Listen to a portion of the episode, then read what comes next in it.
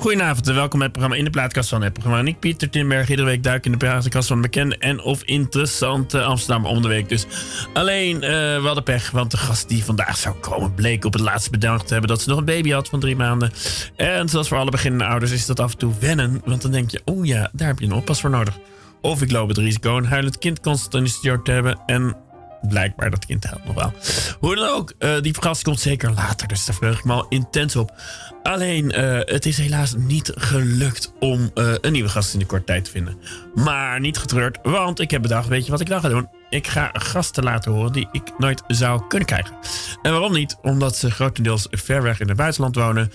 Uh, en dus Engels spreken. Ik heb, en, maar wel bijzonder interessante dingen maken. Namelijk leuke vlogs die ik met heel veel plezier kijk. En vlogs zijn tenslotte ook een soort van radio in veel gevallen. Want heel veel meer dan een pratend hoofd van iemand die interessante dingen zegt, is het meestal niet. En dat geldt ook een beetje voor de vlogs, waarbij ik straks een flink aantal laat horen. Maar ook uh, de muziek zal proberen om gasten te laten horen die ik nooit zou kunnen krijgen. En beginnen met, nou, iets wat ik de laatste tijd vaak luister en wat ik, nou Waarbij, en hoe, zeg ik dat nou zo mooi? Ik wil niet in lelijk superlatief vallen. Maar ik vind dit toch wel. Hier, hier word ik bijna iedere dag.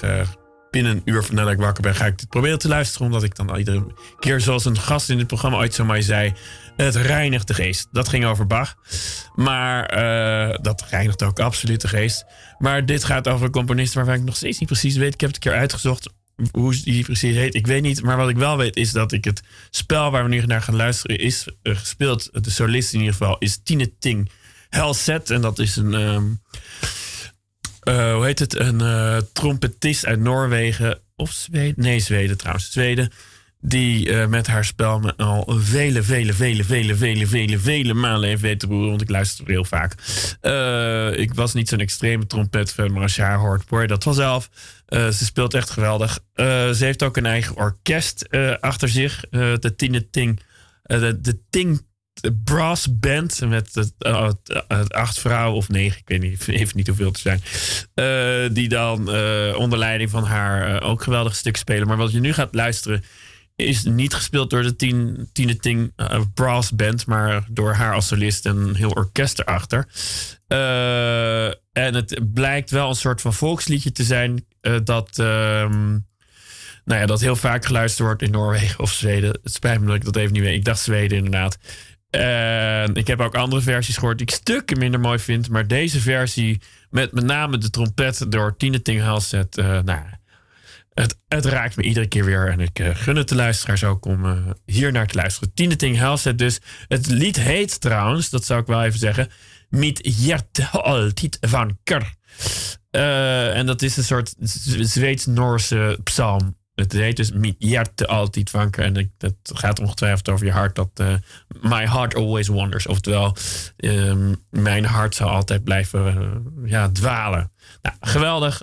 Geniet vooral van het trompetspel van Tine Ting Helset.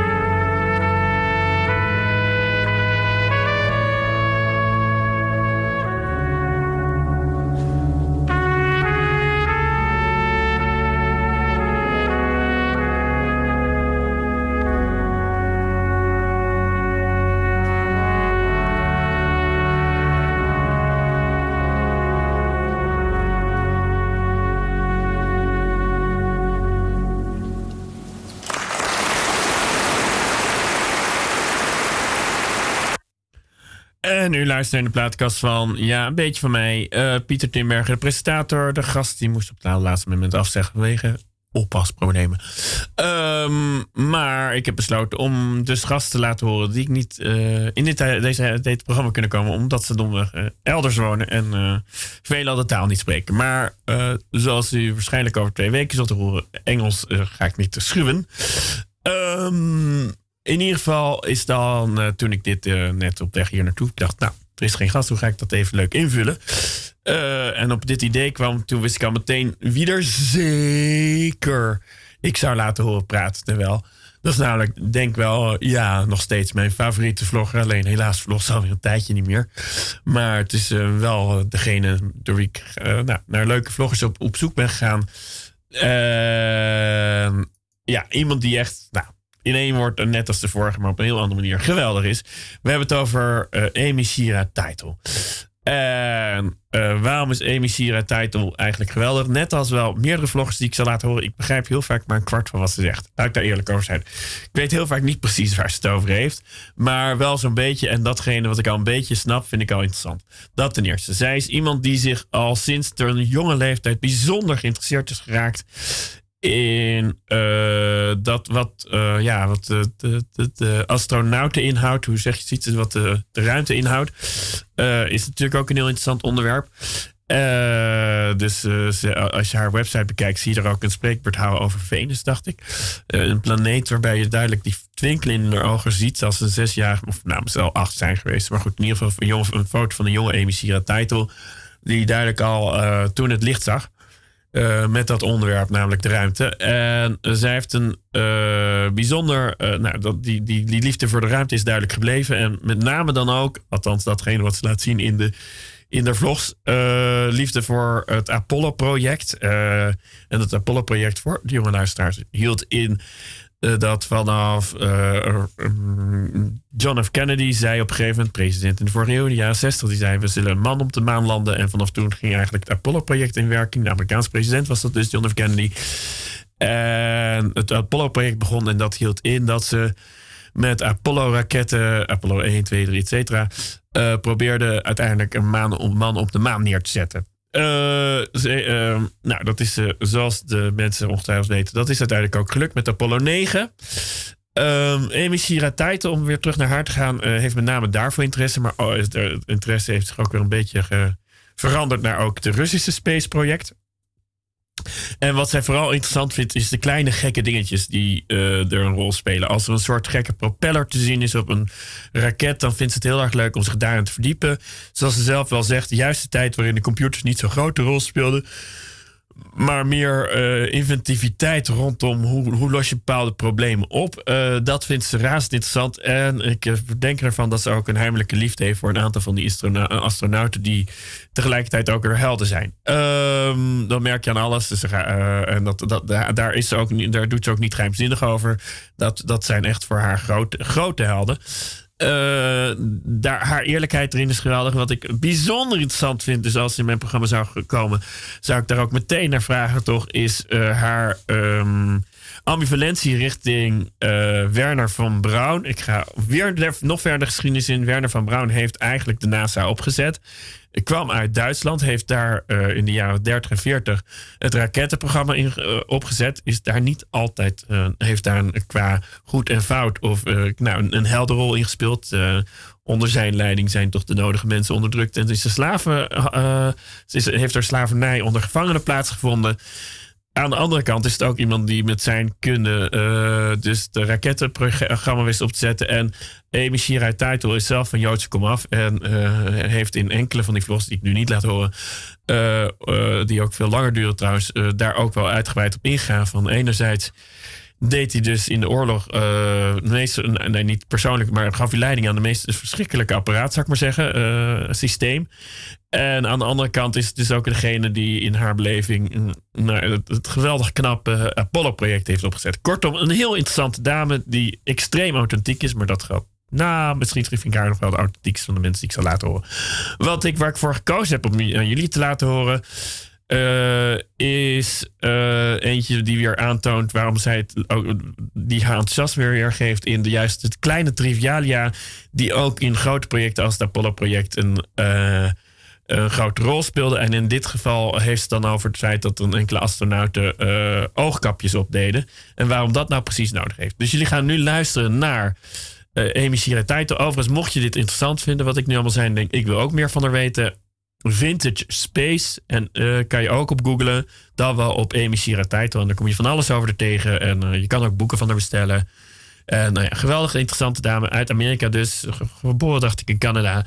En hierin vertelt ze wat ze heeft uitgezocht over waarom die astronauten toch oogkapjes opdeden.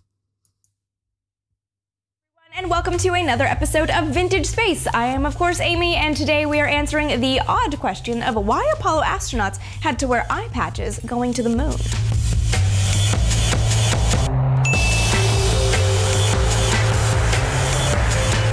So shout out to Curtis for a very good question. He came to my talk in Seattle recently and then emailed me a video showing John Young wearing an eye patch in an Apollo command module. He asked me why, so I have the answer, and it all comes down to navigating between the Earth and the Moon. So let's backtrack for just half a second here and talk about how hard it is to navigate between two moving bodies, namely the Earth and the Moon, which is orbiting around the Earth. This was the question put to the instrumentation lab at MIT, and it was actually the first ever contract let for the Apollo program because NASA knew that this was going to be a very tough nut to crack. The challenge was to keep the spacecraft flying on its perfect trajectory so that it would intersect the moon's orbit at the right point to get into orbit around the moon and then go for landing, and then also fly on the right trajectory to hit its reentry corridor when returning back to Earth. The solution came in two parts an inertial guidance system backed up by stellar alignments. The main part of the system was the Apollo Guidance Platform, properly called the Inertial Measurement Unit or IMU. This used three gyros offset from one another at different angles and accelerometers to measure any deviation from the computer's programmed alignment with respect to inertial space. Feedback loops used signals from the gyroscopes to control motors on each axis that work to keep the platform stable, to keep the spacecraft flying on its prescribed trajectory. The problem was, as good as the IMU was, it did drift off of its nominal trajectory, so the platform had to be realigned once or twice a day, and NASA did this using a sextant, just like sailors used to do.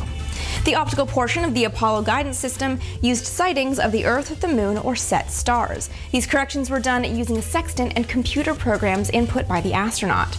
Both the Apollo lunar and command modules had an optic system built into the hardware of the spacecraft, which meant that it was fixed in the body of the vehicle. It couldn't be moved around because it was going through the pressure hull. The astronaut would key in a coded number for a given star, and the computer would then orient the spacecraft's optics so the star was centered in the eyepiece and crosshairs as seen in the telescope. Then the astronaut would sight the star himself, seeing whether the star was actually in the center of the crosshairs or whether it was some distance away. If the star wasn't centered, the astronaut would center the image of the star, press a button on the computer, and then the computer would note the amount of drift from the alignment of the platform. The process could be repeated on a second star if needed, but ultimately the goal and the outcome was to realign the gyros to set stars so that the spacecraft would be realigned on its trajectory. Of course, when you're dealing with bright things in space like the moon, the Earth, and even just sunlight reflected off the body of the spacecraft, it means that stars can be hard to find. So astronauts doing these star checks would have to preserve night vision in at least one eye to be able to see the relatively faint stars. And that is why they wore an eye patch. The eye patch actually had two uses. The first was to preserve night vision in the eye that was going to be doing the sightings. The second usage was to cover the eye that wasn't doing the sightings while the astronaut was doing the sightings. The eye patches were made of room temperature vulcanized rubber, and there were two on board, one in the command module and one in the lunar module. And after first flying on Apollo 9, there were no changes made to the eye patch because it was deemed sufficiently effective. So, no, the astronauts were not playing pirates in deep space, but they were channeling their seagoing forefathers, using an eye patch and a sextant at the same time. Have you guys noticed any other odd astronaut behavior or props in old videos that you've seen? Let me know in the comments below if there's anything you would like me to look into. And of course, all your other questions, comments, memories, anything else, all about old timey space. Be sure to follow me on Twitter and Instagram for daily vintage space content, and you can also connect with me on Facebook. Just look me up by name. And of course, with a new video going up every single week, subscribe right here so you never miss an episode. Nou, als jullie net zo enthousiast geworden zoals, zijn zoals ik in de tijd toen ik ontdekte. Helaas, uh, dat every week wat ze op het laatst zegt, dat is dus niet meer zo. Uh, ze heeft al de hele tijd niets meer gedaan. Heel af en toe komt er iets tussendoor. Het afgelopen week toevallig nog maar buiten dat. Uh, helaas niet meer zo vaak. ik mis er een beetje, zeg maar, in wat vlog betreft. Um, hoe dan ook. u luistert dus naar in de plaatkast van, ja, in zekere zin van mij. Van mijn vlogs en dat soort dingen van Piet Timbergen. Uh, de presentator. En uh, nu gaan we luisteren ook weer naar mensen die ik... Nou, ik weet niet zeker of ik zou vragen. Maar ik heb ze wel ontdekt al YouTube kijkend, zou ik maar zeggen. Uh, deze, dit orkest, want we hebben het er nu over... zingt gewoon eigenlijk een geweldig mooi nummer. Het is Vootjes 8. zingen, hebben al heel veel cd's gemaakt. Het is een, ik denk, redelijk bekend orkest uit Engeland. Ze, zingen hier ook nog een Engelse persoon. Edward Elgar. Ehm Um, ze hebben toevallig ook opgetreden in uh, Nederland. Komen ze af en toe, niet zo heel vaak. Maar als je echt denkt, wauw, dit is mooi. Ga dan vooral eens in de gaten houden. Vootjes 8 heet het. Zijn uh, drie vrouwen, dacht ik, en vijf mannen. Uh, die met name klassieke muziek spelen, maar ook wel bekende nummers. Bijvoorbeeld van, hoe heet het nou? Simon Garfunkel. Um, die ze dan uh, op hun manier uh, bewerken. dit is hetgene waardoor ik wakker voor ze werd geschud. Het, heet, het is dus van El Elgar Lux Eterna. En nou, ik vind het prachtig.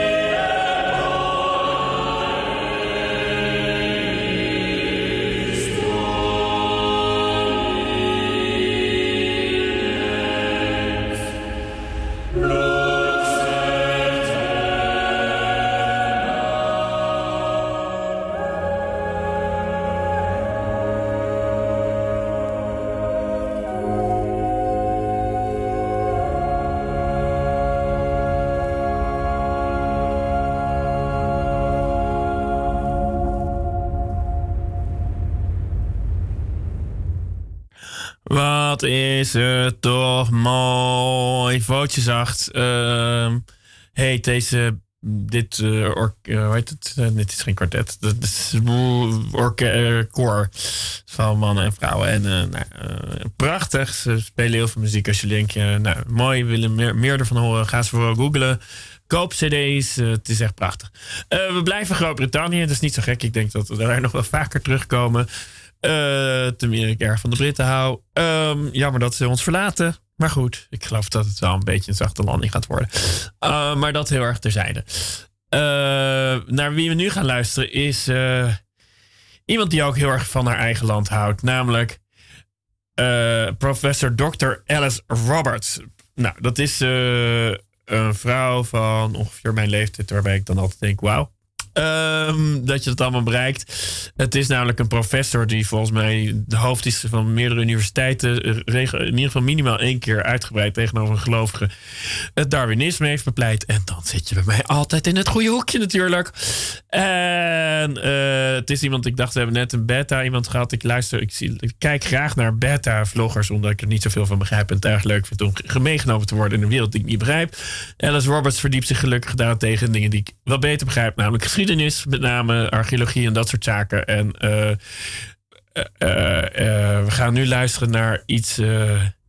nou, waarin ze uitgebreid vertelt over. Ik ben even kwijt waarover, maar aangezien ik het ooit geluid heb, wordt toch het interessant. Dus het wordt ook een beetje nieuw voor mij. Maar ik weet wel dat, gaat, dat het is door Alice Roberts, die altijd interessante dingen te melden heeft. It's a huge challenge that we're facing, and some of it is about increasing the production of food. But there are other angles to this as well, of course. We waste an enormous amount of food at the moment, and we need to reduce that waste. And also, the way that we consume food has a huge impact um, in terms of our then impact on the environment. So, if we're eating um, meat in our diets, then then livestock has um, an, an, additional impact, which um, involves the amount of energy it takes to raise livestock, the amount of water it takes to raise livestock, and all of this added land that we need if we're if we're going to raise livestock. You can support more people on a certain amount of land uh, with uh, uh, purely vegetarian diets than you can once you introduce meat into the equation. Now, I'm not at all saying we should get rid of meat globally, and that's not realistic anyway, especially in developing countries. Livestock and meat can be a really important source of protein and other micronutrients, and it comes in a handy package. Um, but I, what I am saying is we need to be more thoughtful about it. And this needs to be much more than just uh, governments telling people how to behave, governments and scientists together telling people how to behave. We need to have a conversation about this, and we need to. It needs to be. A, it needs to be a two-way flow of information. We need to somehow get to a point where people are uh, reconnecting with the environment because at the end of the day, this is where this food is coming from. And the choices you make when you're taking something off a shelf in a supermarket or picking something up at your local market or your um, farm shop um, or you know eating it off your plate, that has come from the environment. It's come from the landscape, and we need to rediscover that connection. I think it's incredibly important that we start to have those conversations at an extremely young age, um, primary school, probably even earlier actually, and um, talk to our children about where food comes from and the kinds of impact that the choices that they're having are having on their on their wider environment. Um, so there are all sorts of issues there um, about sustainability and about food production, but also crucially about human health as well. And we can tie all of that up together. Um, but this is it is really important to be doing it very early on. And if we can help children to establish healthy habits as, uh, uh, as youngsters, then hopefully those will stay with them through their lives. And also, if we can start to get them thinking about the wider environment and, and the impacts that they have through those choices, which some, some sometimes can seem very far removed. You know, taking choosing something in a supermarket seems so far removed from something growing on a hillside somewhere. Um, but somehow, if we can put those things back together for them at a, at a very young age, um, then hopefully they will carry on thinking about their impact on the environment throughout their lives. There's a certain amount of strategy that um, the government can probably just get on with uh, with the help of scientists if we're thinking about how best to reduce waste um, getting food from uh, where it's being produced to supermarkets, for instance, those sort of things. But actually, what we need to do is have a meaningful conversation with the wider community, with the general public in all their massive diversity. Because what we need to know is what, what people want as well. We can't force a change in behaviour on people. We need to know what they really want. And I think most people want to be helped to eat healthily um, and, and also to be making choices which are better for the environment as well. Um, so we, we, we do actually need to have that two way dialogue uh, with the public rather than just telling people what's good for them. I think engaging the general public and um, getting to a point where we have better communication is achieved in all sorts of different ways. Um, and I think that actually things like this event um, are the beginnings of it probably and a, and a, and a good example of, of how it might work. You know, we've had a minister from DEFRA here today um, discussing uh, with me and with a, um, a, top expert in, in food production um, about how we tackle some of these issues um, and, and doing that in discussion with the audience here today. But we need to take that discussion out much more widely and also we need to be doing it from the perspective of not just uh, scientists and policymakers, um, but we need to think of other ways of engaging the public in this dialogue. So, so we do need the help of sociologists and philosophers, and you know probably thinking even more widely, poets and artists and writers, um, in order to engage people in this very wide conversation. U luistert naar de plaatkast van, uh, van de presentator, in dit geval Pieter Timberg. Eigenlijk totaal niet de plaatkast, maar de vlogkast een beetje. Afgewisseld met muziek. Uh, wat ernstig betoog, een beetje anders dan dat ik had aangekondigd. Maar uh, wat een goed betoog. En nou, ik kan er alleen maar hulde voor brengen. ze doet, als je denkt, hey, interessante dame, ze doet ook wat absurdere dingen. Volgens mij, ik heb er een keer in het water gezien springen, omdat een historisch figuur dat had gedaan. Eh uh, nou ja, wat ik al zei, uitgebreid in gesprek met mensen die uh, geloven dat uh, de wereld door de Bijbel was. Althans, dat daarin staat door de Bijbel, hoe de wereld tot aarde is gekomen, die de evolutie ontkennen. het is gewoon een geweldige dame die hoopvol is en zeer inspirerend iemand. Alice Roberts, nou, nou, geweldig, geweldig.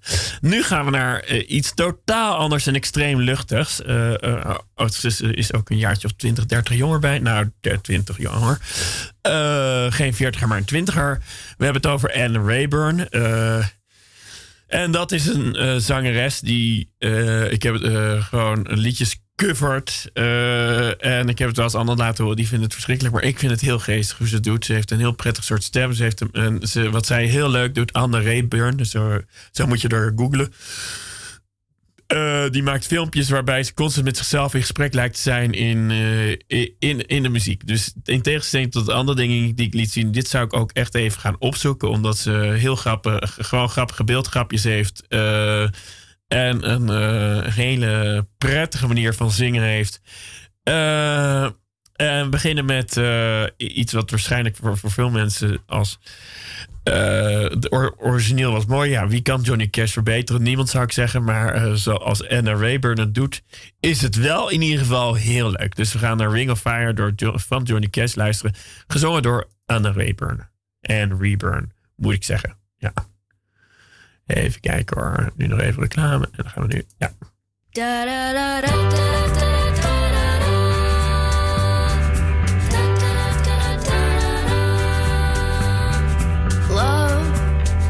burning thing. And it makes a fiery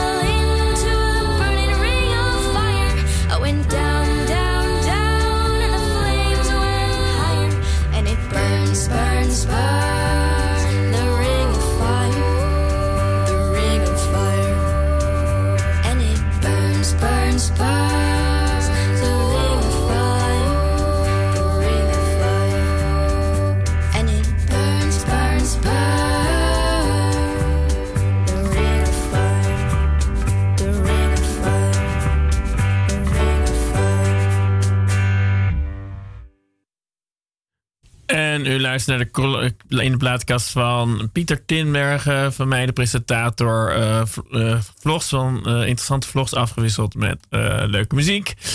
En vind ik uiteraard, maar dat spreekt voor zich. En eh, toen ik dit maakte, ja, ik zit een beetje voor dilemma. Er zijn natuurlijk, eh, dat merken jullie waarschijnlijk als luisteraar wel, heel veel waar ik uit kan kiezen.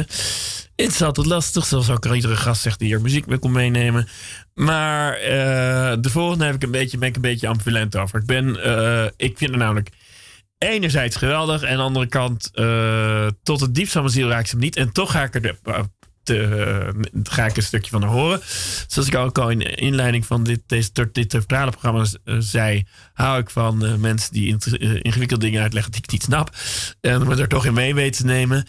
Eh, en waarom ik Physics Girl, oftewel Diana eh, Govern, Govern zoals ze echt heet, en ze noemt zichzelf dan Physics Girl, eh, toch wel erbij pak, is omdat ze zo eh, non-stop haar best doet. Meer dan waar er bij de anderen eh, het idee krijgt dat ze toch ook vooral hun eigen passie willen laten zien.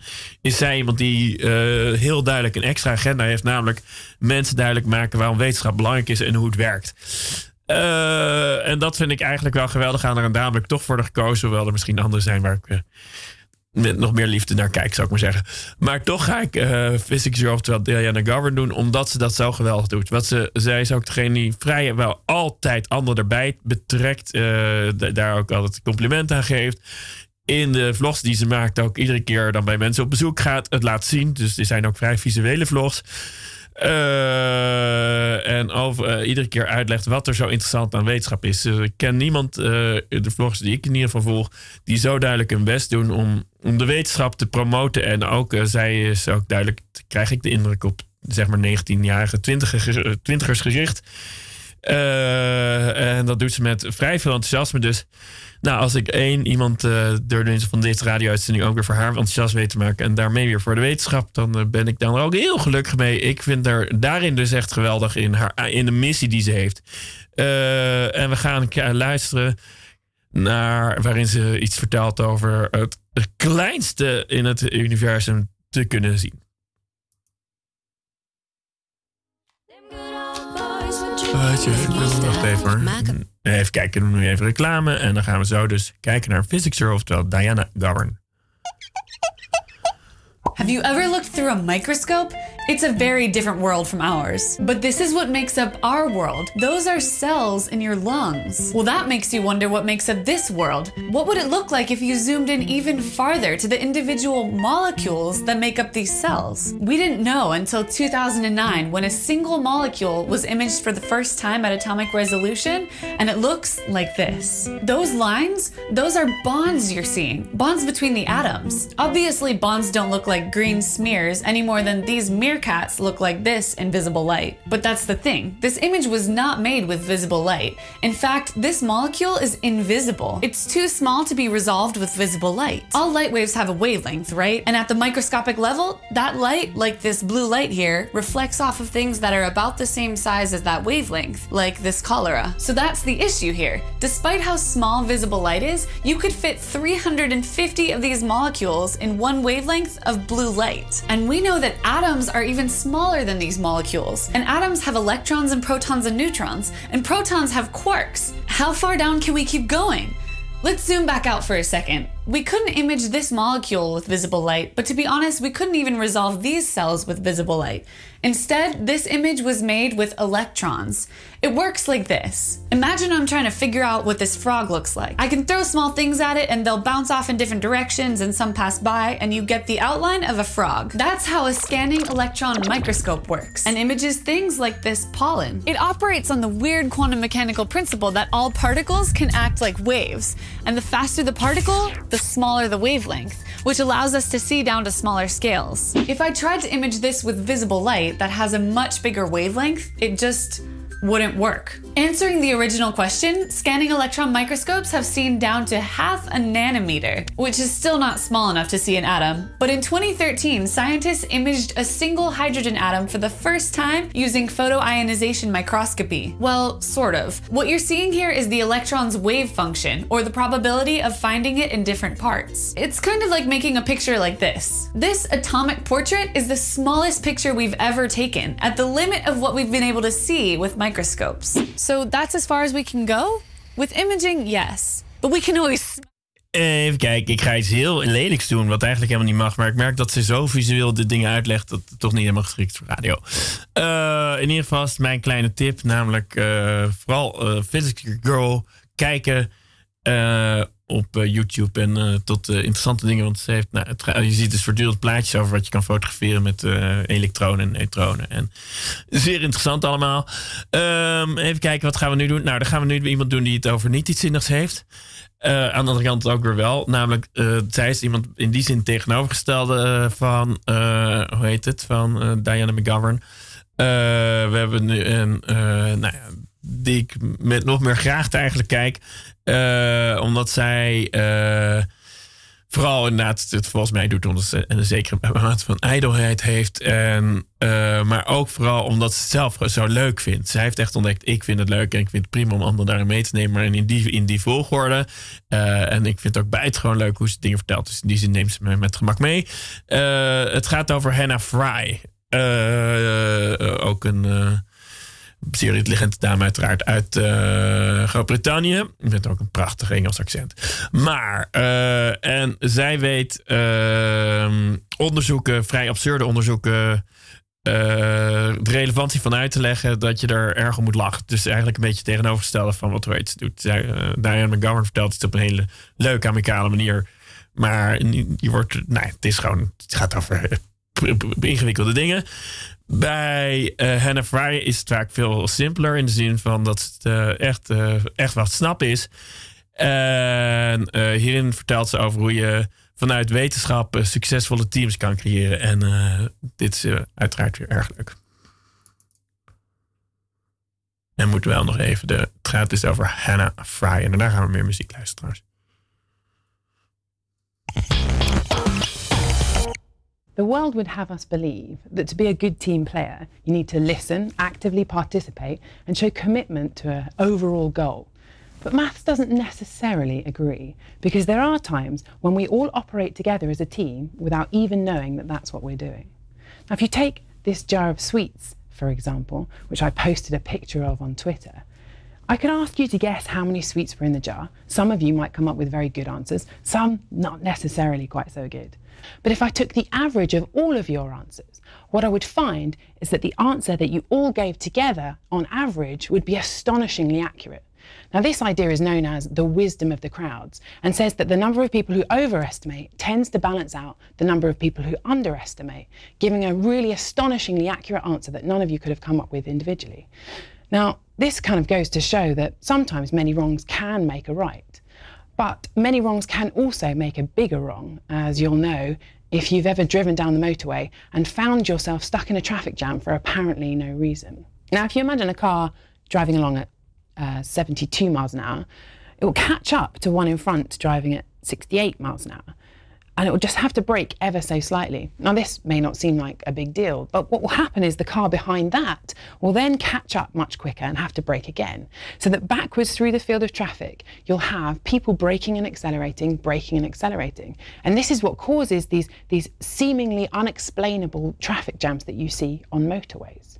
Now, this accumulation of errors is what's known as the avalanche effect. And it's the reason why we have stock market crashes and petrol crises and runs on banks. Everybody working together to unintentionally orchestrate a disaster. But it can also be exploited to have amazing results. And as ever, nature gives us one of the best examples of this. Now, if you imagine a, a school of fish, there are several evolutionary examples as to why uh, this is an effective way to avoid a predator. So it confuses the predator. Um, the school has many eyes, so it can see a predator coming from more directions. And of course, there's safety in numbers. Now, by watching this school of fish, you could be forgiven for thinking that they were operating under the directions of a single leader. But actually, something far more interesting is going on. These incredible shapes and patterns are just created by two very simple rules between the fish. One, don't swim into other fish. And two, swim at the same speed and direction as your neighbours. Now, just these very simple interactions between neighbouring fish mean that every fish is both influencing and being influenced by all other fish, performing together to create one giant predator avoiding team. And in maths, this is what's known as an emergent system. But this beast, this, this moving and evolving and deforming beast, has a set of rules that has been exploited by people in our human world, and most notably by Pep Guardiola's 2008 2012 Tika Taka Barcelona football team. Now, to uh, hugely oversimplify all footballing strategies into one sentence, general rule of thumb is 4-4-2 or thereabouts. Stay in your lines. Every player's got a, a well-defined position on the team and push forward wherever possible. Now, Barcelona were different because the way that they set up their team was to just think about rules of interactions between neighbouring players. So, to break it down, there are three very simple rules. The first is to make triangles. Whenever a Barcelona player has possession of the ball, his neighbouring teammates will move themselves into a position to create a triangle so that there are directly two passing opportunities at any time. Meanwhile, the rest of the team will think two, three, four passes ahead and create these triangles all along the pitch.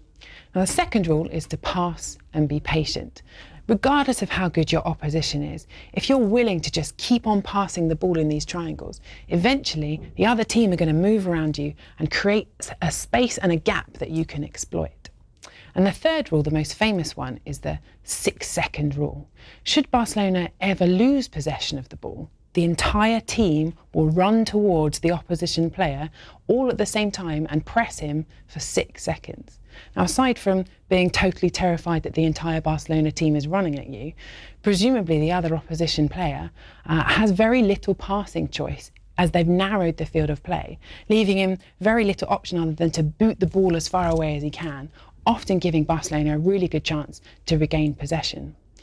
And just these very simple rules, these three very simple rules between neighbours, and creates this incredibly fluid and, and beautiful football style for which they've become famous, exploiting the maths of emergent systems to create one of the best teams in the world. Now, if all this talk about football has uh, kick-started your interest and you're not already subscribing, you can think about Oké, uh, dat doen ze allemaal natuurlijk. Op laatst zeggen dat je wel moet subscriben. Dat was Hannah Fry. Uh, nou, geweldig weer. Uh, waar we nu naar gaan luisteren is eigenlijk tegenovergestelde. Wat ik tot nog toe heb gedaan. Thema is een beetje gasten die je graag in je programma zou willen hebben. Maar niet zou kunnen krijgen. Bijvoorbeeld omdat ze zeg maar, in Engeland wonen en dat soort dingen. gewoon nooit in Nederland komen. Maar de volgende is gewoon een trio. En daar heb ik ze alle drie apart uh, in mijn uitzending van gehad. Of zou ik nog even tussendoor. Nee, doen nog één keer tussendoor. Een grapje wat ik ooit gezien heb. Op, uh, ook ontdekt heb. Dick Cavett is een groot presentator geweest van, Amerikaanse van de Amerikaanse talkshow. De Dick Cavett Show. In met name in de jaren zeventig. en daarvan weer een interview heb ik ooit gezien. Waarin hij zei: Eigenlijk is als ik ooit een slechte dag heb ga kijken naar wat uh, Richard Nixon over mij zei. Uh, omdat hij dan altijd moet lachen. Uh, Dick, Richard Nixon, voormalig president, was niet zo fan van Dick Cavett. En die is daar in gesprek. alles wat Richard Nixon heeft gedaan, gezegd in het Witte Huis, is in de tijd door hemzelf opgenomen. Wat hem ook zijn kost, een kop heeft gekost. en hij gaat op een gegeven moment ook ordinair rollen over Dick Cavett. En ik ben het met hem eens als ik één doel in mijn leven heb, zou ik het wel geweldig vinden als een of andere machtige figuur zo over mij praat. Zoals Nick, Richard Nixon nu doet over Dick Cavett. En daarna gaan we naar muziek luisteren.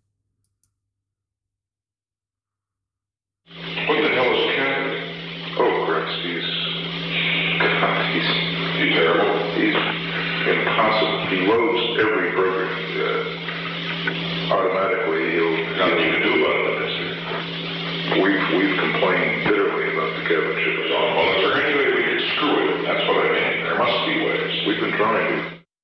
Is there any way we can screw him? Als een machtshebbende figuur die verkeerd bezig is dat over jezelf, over jou ooit zegt, dan weet je dat je goed bezig bent, zoals dat heet.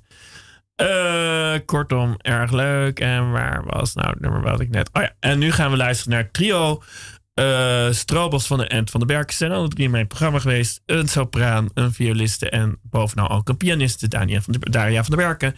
Die geweldige dingen maakt. Alle drie maken ze geweldige dingen. En hierin uh, eh, werkten ze samen en eh, uh, maakten ze mooie muziek. Van Gio, Gio en Rossini. Un voce poca. Even kijken, wat staat er? Nou, we gaan er nu luisteren.